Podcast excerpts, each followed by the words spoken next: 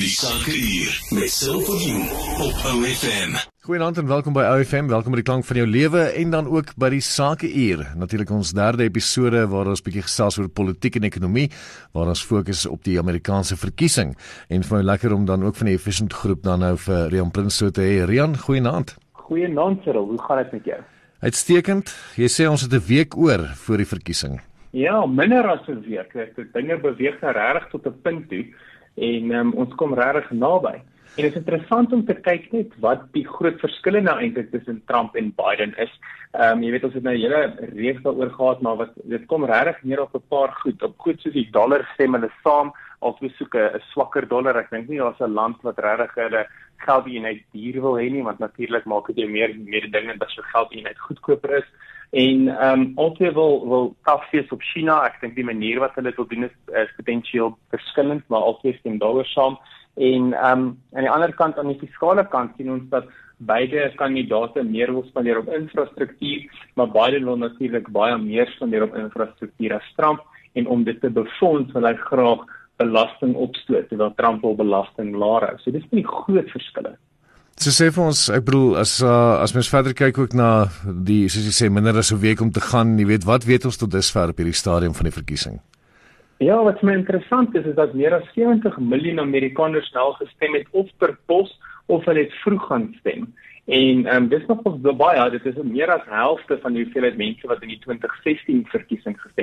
Dit gaan interessant wees om te sien of daar nou baie minder mense gaan stem um, op verkiesingsdag 3 November en of mense nou net jy weet of daar minder stemme gaan wees en of mense net gekies het om eers vroeër te stem of daar dalk meer stemme gaan wees. Ehm um, dit gaan interessant wees om te sien.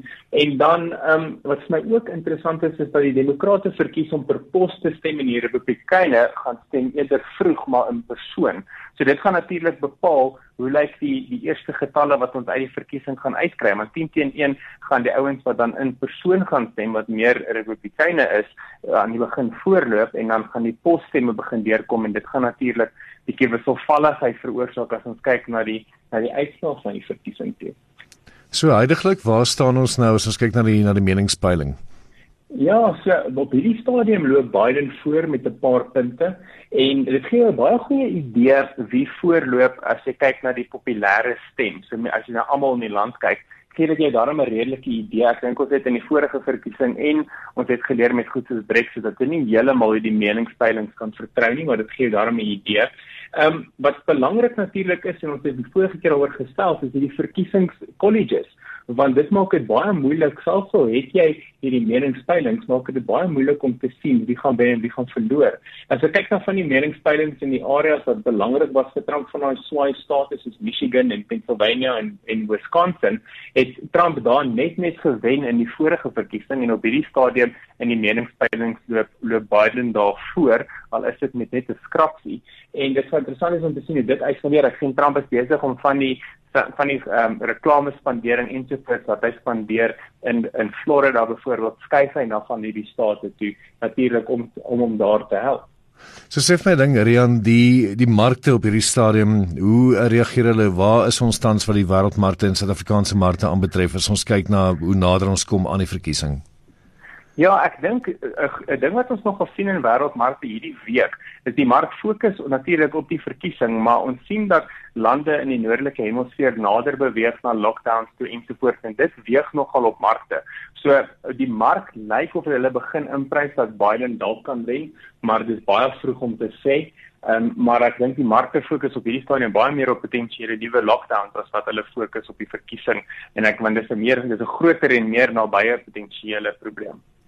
Rian, baie baie baie dankie. Ons gaan definitief uh, as ons weer gesels oor politieke ekonomie en uh, dan gaan ons basies na die verkiesing wees. So nou gaan ons bietjie kan kyk ja, in ja. retrospek. So hoorie so baie dankie vir jou tyd. Waardeer dit baie.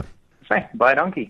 Ek noem Marian Prinsloo van die Efficient Groep hier op IFM die klank van jou lewe waar ons gesels dan ook oor politiek en ekonomie en hoe die twee mekaar affekteer met 'n fokus dan ook op die Amerikaanse verkiesing. As jy wil gaan terugluister na die vorige episode, dan gaan jy dit kry op haar blog op ifm.co.za. Die sake hier met Silverview op OFM.